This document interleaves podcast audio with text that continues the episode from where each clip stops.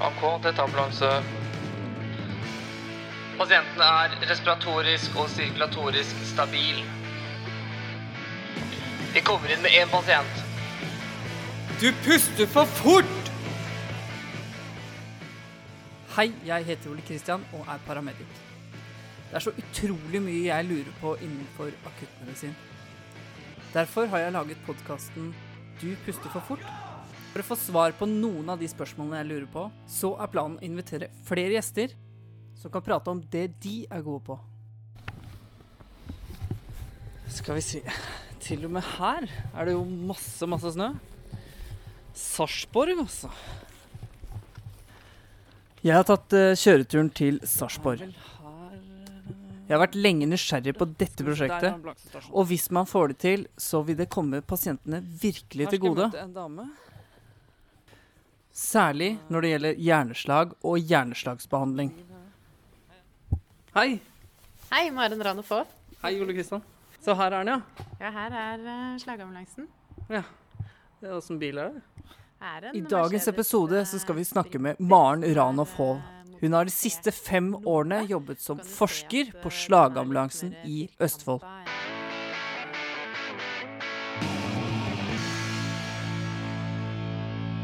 Hjertelig velkommen eh, hit til denne podkasten, vår. Tusen takk. Utrolig spennende prosjekt. Jo, takk for det. Hvorfor starta du forskningen? Eller er det du som har, du som har starta denne forskningen? Det er ikke jeg som kom opp med den første ideen. Det er det ikke. Det var eh, helt Hvis man starter eh, helt på begynnelsen, så var det en tysk professor i Sør-Tyskland som lagde den første prototypen på en slagambulanse. Eh, den eh, var som en trailer med en eh, ambulansepersonell, men også masse sykehuspersonell. Radiologer og radiografer og nevrologer og sånn som reiste ut med en CT og stilte diagnosen hjerneslag og startet behandling. Så var det noen pionerer i Stiftelsen Norsk Luftambulanse, Hans Morten Lossius og Åge Karlsen, som tenkte at dette må vi få til i Norge også. Men eh, vi må gjøre det med de folka som jobber utenfor sykehus. Vi kan ikke ta med oss masse nevrologer og sånne hvitkledde ut eh, i ambulansen. Det funker ikke. Så vi må lære opp ambulansepersonell og luftambulanseleger. Så de hadde den første ideen og tenkte at eh, dette må jo også være et forskningsprosjekt. Så lyste Stiftelsen Norsk Luftambulanse ut en stilling som stipendiat, så for å være forsker i utdanning og for å ta en doktorgrad. Og den stillingen den så jeg i en Aftenposten-annonse. og da tenkte jeg umiddelbart at dette her er drømmejobben for meg, dette må jeg prøve. Eh, men jeg søkte egentlig med litt eh, lave ambisjoner. Tenkte at da får jeg i hvert fall prøvd å gå på jobbintervju. Og så viste det seg til slutt at jeg kom videre, og at jeg endte opp med å få den, eh, få den jobben. Da. Det var i 2012. Så det var egentlig helt tilfeldig at du kom eh, inn i prosjektet Slagambulanse? Det var jo fordi at jeg søkte på den stillingen, da, at det var allerede opprettet som et prosjekt. Eh, men forskningsprotokoll og det som beskriver prosjektutførelsen og sånn, det har jeg vært med å utvikle da, etter at jeg ble ansatt. For min del så var det jo ikke tilfeldig, for jeg har kjørt ambulanse i Nord-Troms eh, mens jeg studerte medisin i, i Tromsø. Uh, og i den perioden uh, som ambulansearbeider så, så ble jeg veldig opptatt av uh, avansert diagnostikk og prehospital eh, seleksjon av pasienter og oppstart av tidlig behandling. Eh, men at det akkurat skulle bli hjerneslag, som skulle bli eh, det jeg skulle forske på, det jeg skulle jobbe med, eh, det var litt tilfeldig. Og du har altså prehospital eh, erfaring fra før, som Ja. du sa? Jeg har jo et sånt eh, 120 timers vikarkurs Ja. i ambulansetjenesten. eh, og har jobbet da som vikar på flere stasjoner i Nord-Troms i nesten fire år. Mm. Eh, helger og ferier og sånn. eh, ja. Så du vet litt hva vi står oppi hver dag? Jeg mener jo det selv, da, at jeg, at jeg gjør det. Det er klart at Jeg har jo jobbet i en ambulansetjeneste som er ganske ulik den eh, man har i de store byene. Eh, min erfaring er jo fra ambulanseturer som varer i mange timer.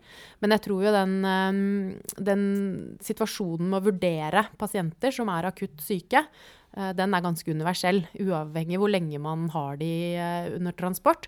Og det å velge riktig sykehus eh, er også veldig viktig eh, over hele landet, også i Oslo, som vi vet, Mm. eh, med ulike sektorsykehus. Og i Bergen har man eh, noe lignende situasjon. Eh, så jeg tror jo at eh, mye av de eh, situasjonene man står opp i, de er ganske like. Det skal vi prate mer om i eh, neste podkasten. Da skal vi ha om hjerneslag. Denne podkasten den handler jo om eh, prosjekt slagambulanse. Eh, kan ikke du fortelle litt hva er eh, slagambulansen?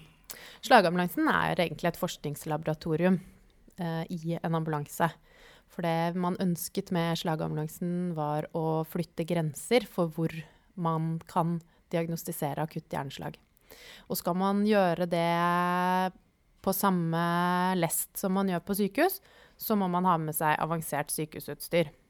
Så slagambulansen er da en eh, ambulanse etter norsk standard, men utrustet eh, som et luftambulansehelikopter. Mm. Og så har den med en sete. Så du har en setemaskin inni ambulansen. Det er en setemaskin i ambulansen. Og en setemaskin er jo en røntgenmaskin som eh, tar bilder av eh, kroppen. Men den setemaskinen som er i denne slagambulansen, den tar bare bilder av hodet. Hvor lenge har den eksistert da? Hvor lenge har det vært eh, dette prosjektet her? Nei, jeg startet i 2012. eh, så var det mye planlegging. Eh, jeg var med i kulissene da bilen ble bygget. Den ble bygget i Tyskland, eh, men etter norske ambulansestandarder. Eh, den setemaskinen veier 350 kilo, så det er klart at det har vært mye modifisering for å, for å få det til. Um, og så begynte vi med pasienthåndtering eh, oktober 2014. Og da var den studien som, som jeg har gjort, den pågikk i 15 måneder. Hvem er det som bemanner eh, slagambulansen? Tanken da var jo at vi skulle gjøre forskning for at det skulle kunne implementeres i luftambulansetjeneste. Uh, og i og med at um, piloter er vanskelig å få tak i og veldig dyre å lønne, så utgikk på en måte de, da. Ja. Uh, men det var eh, et, et mål om at crewet skulle være så likt som et uh, luftambulansekrew. Eh, da ble det paramedic som fartøysjef og ambulansearbeider med sykepleier. eh, godkjenning Mm. som eh, redningsmann, hvis du skal på en måte overføre det til noe, Mm. eh, og luftambulanselege. Så alle legene som har vært i prosjektet, de har hatt prehospital erfaring og har vært spesialister i anestesi. Hva slags erfaringer har dere gjort på den tiden dere har holdt på da?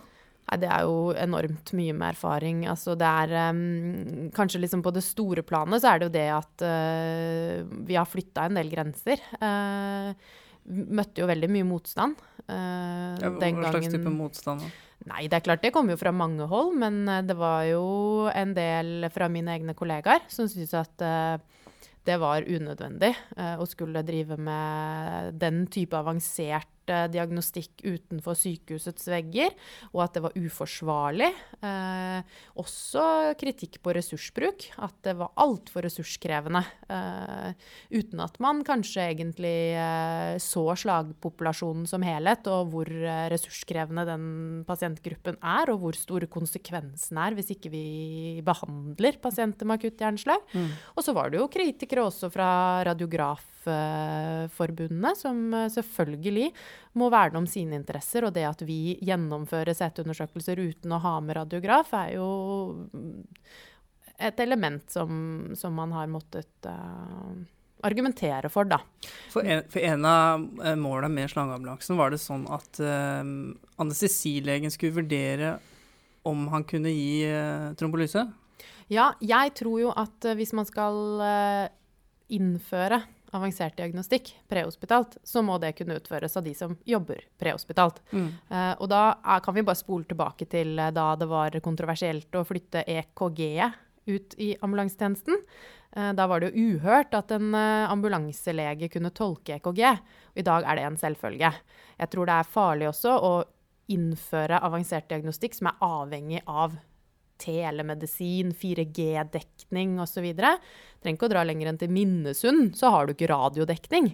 Vi kan ikke belage akuttmedisin på at uh, man kan sende avanserte videosnutter og filmer og sånn. Så Mm. jeg tror på det. Mm. At vi må heve kompetansen hos de som kan det å jobbe med akutt sykdom utenfor sykehus Mm. i den prehospitale tjenesten. Så det har vært helt avgjørende hele veien. Mm.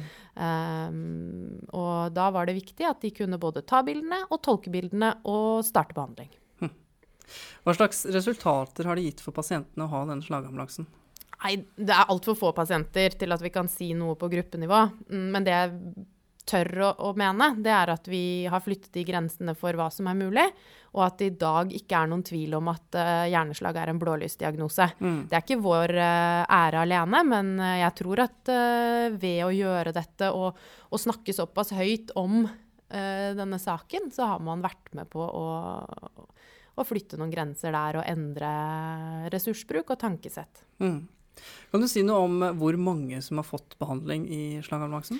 Vi har gitt trombolyse til 17 pasienter. Det er ikke den studien som jeg har eh, hatt mitt doktorgradsarbeid på, for jeg hadde bare en diagnosestudie for å vise at man kan stille diagnosen hjerneslag med en CT-maskin. Eh, det er en ny stipendiat nå som heter Karianne Larsen, som jeg er så heldig å få lov til å veilede. Det er hun som kjører den trombolysestudien. Um, og det er klart at hvis man får behandling eh, tidligere, så er det bedre. Mm. Hva gjør man på et uh, sykehus eh, tidlig i behandlingen som man ikke får gjort i slagambulansen? Det er klart Vi har muligheten til å stille litt mer spesifikke diagnoser. Eh, I slagambulansen så tar vi et CT-bilde. Det kan vise om det er blod eller ikke noe. Vi kan ikke vise at det faktisk er en blodpropp. Um, det kan vi gjøre på sykehus fordi vi har muligheten til å ta CT-bilder med kontrast, som er en sånn CT-angio. Eh, man kan også ta MR på sykehus hvis man er i tvil. Eh, Så man, man har ikke mulighet til å ta CT-angio i slagambulansen. ikke sånn Nei. som det er i dag. Nei. Vurdering av trombektomi, da? Er det noe man gjør i ambulansen?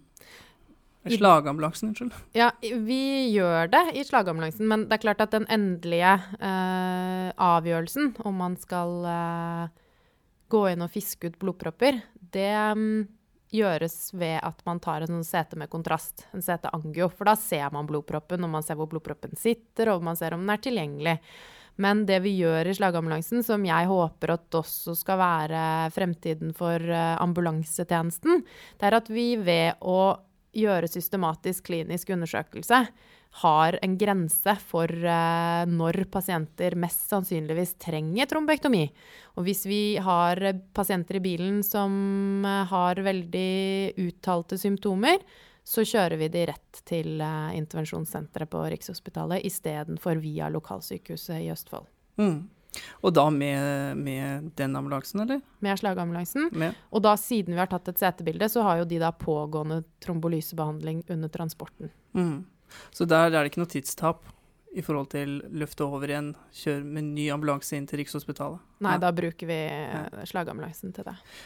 Åssen blir den eh, brukt sånn geografisk? Nei, det er jo Østfold som har vært nedslagsfeltet, eh, og da er det AMK Stor-Oslo som styrer bruken av ambulansen. Vi har mye møtekjøring med ordinær ambulanse i Østfold, og kan da flytte på en måte CT-diagnostikken nærmere uh, ordinær ambulanse ved at vi kjører imot.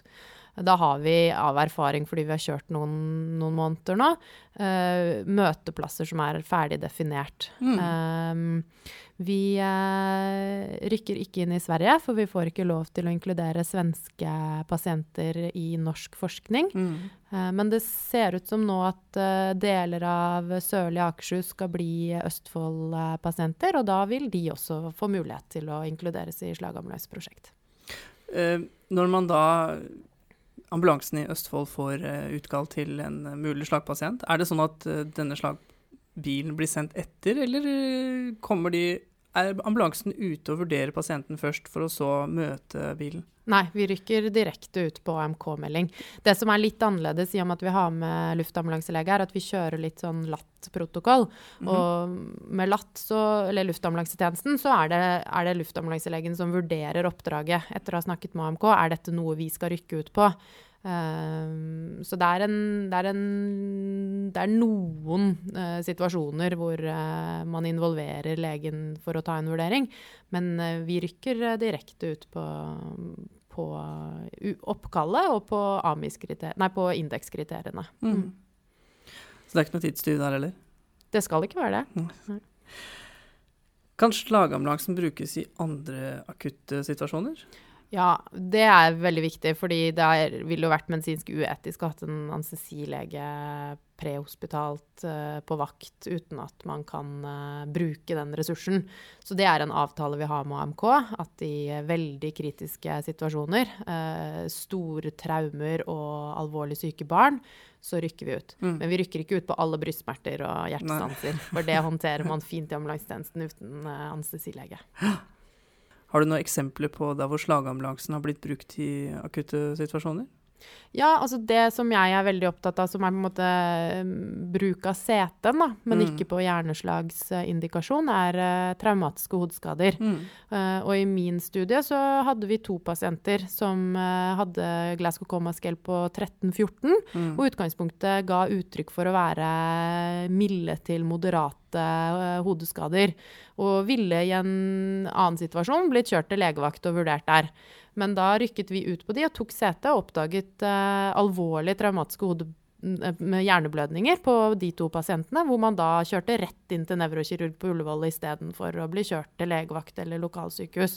Så det er en måte man kan bruke prehospital CT-diagnostikk på utover hjerneslagspasienter. Vi rykker også ut på akutt oppståtte hodepiner hvor man har mistanke av subarachnoidalblødning. Og der har vi faktisk også publisert en forskningsartikkel som beskriver hvordan man med prehospital CT kan spare to til tre timer bare i pasienttransportforløpet på en sånn pasientgruppe. Hm. Hva slags betydning vil denne forskningen ha for fremtiden? Nei, jeg tror jo at uh, det å flytte CT-diagnostikk ut av sykehusene er uh, fremtiden. Uh, om den skal være i ambulanser eller i helikoptre eller på distriktsmedisinske sentre, det må man avgjøre i hvert enkelt uh, geografiske område. Det er et veldig spennende forskningsprosjekt som pågår i Ål i Hallingdal, hvor man har satt opp en sete på sjukestugu i Ål, og den er vegg i vegg med luftambulansebasen på Ål. Der er det et kjempepotensial. Eh, det er nesten to timer å kjøre til Ringerike sykehus og få seteavklaring av pasienter der, hvor man kan avgjøre på eh, ambulansestasjonen og sykehusstua om pasienter skal flys med helikopter til Rikshospitalet eller Ullevål, eller om man skal starte trombolysbehandling og så transportere de til Ringerike sykehus, eller om pasientene kan dra hjem fordi det ikke var noe alvorlig allikevel, er jo kjempeviktig både for pasientens prognose og øh, best håndtering, men også med tanke på ressursbruken i helsevesenet og i den prehospitale tjenesten. Så den type setebruk utenfor sykehus har jeg veldig tro på. Mm. Um, jeg tror at slagambulanser har noe for seg der hvor det er uh, rimelig størrelse på populasjonen, og hvor man kan nå over en del pasienter men hvor det fortsatt er litt transportavstander. Mm. Um, og CT-helikopter, absolutt noe for seg der hvor det er veldig store avstander. Har man utstyr til det nå, CT-helikopter? Nei, vi har ikke det per i dag, men Nei. vi jobber aktivt for at det skal bli en uh, mulighet i fremtiden. Mm. Er det noe du vil fremheve med slagambulansen? Nei, altså det som uh, er morsomt å, å, fortelle om, er jo at um, vi med den forskningen vi har gjort, har vist at det går an å drive prehospital diagnostikk av hjerneslag, og at eh, ambulansetjeneste, da nå representert som luftambulansetjeneste, men med paramedic og ambulansearbeider eh, i crewet, kan stille diagnosen hjerneslag med like stor treffsikkerhet som nevrolog og radiolog inne på sykehus. Mm. Og det åpner jo for uh, utvikling i framtida. Utrolig spennende, Maren. Um Hjertelig takk for at du ville komme hit og snakke om uh, prosjekt Slagamlakse. Du kommer tilbake neste gang også. Da skal vi snakke om hjerneslag og hjerneslagsbehandling. Time is brain når det gjelder hjerneslag, er det ikke sånn? Absolutt. Det er kappløp mot tiden. Da lyttes vi neste gang. Takk for nå. Tusen takk.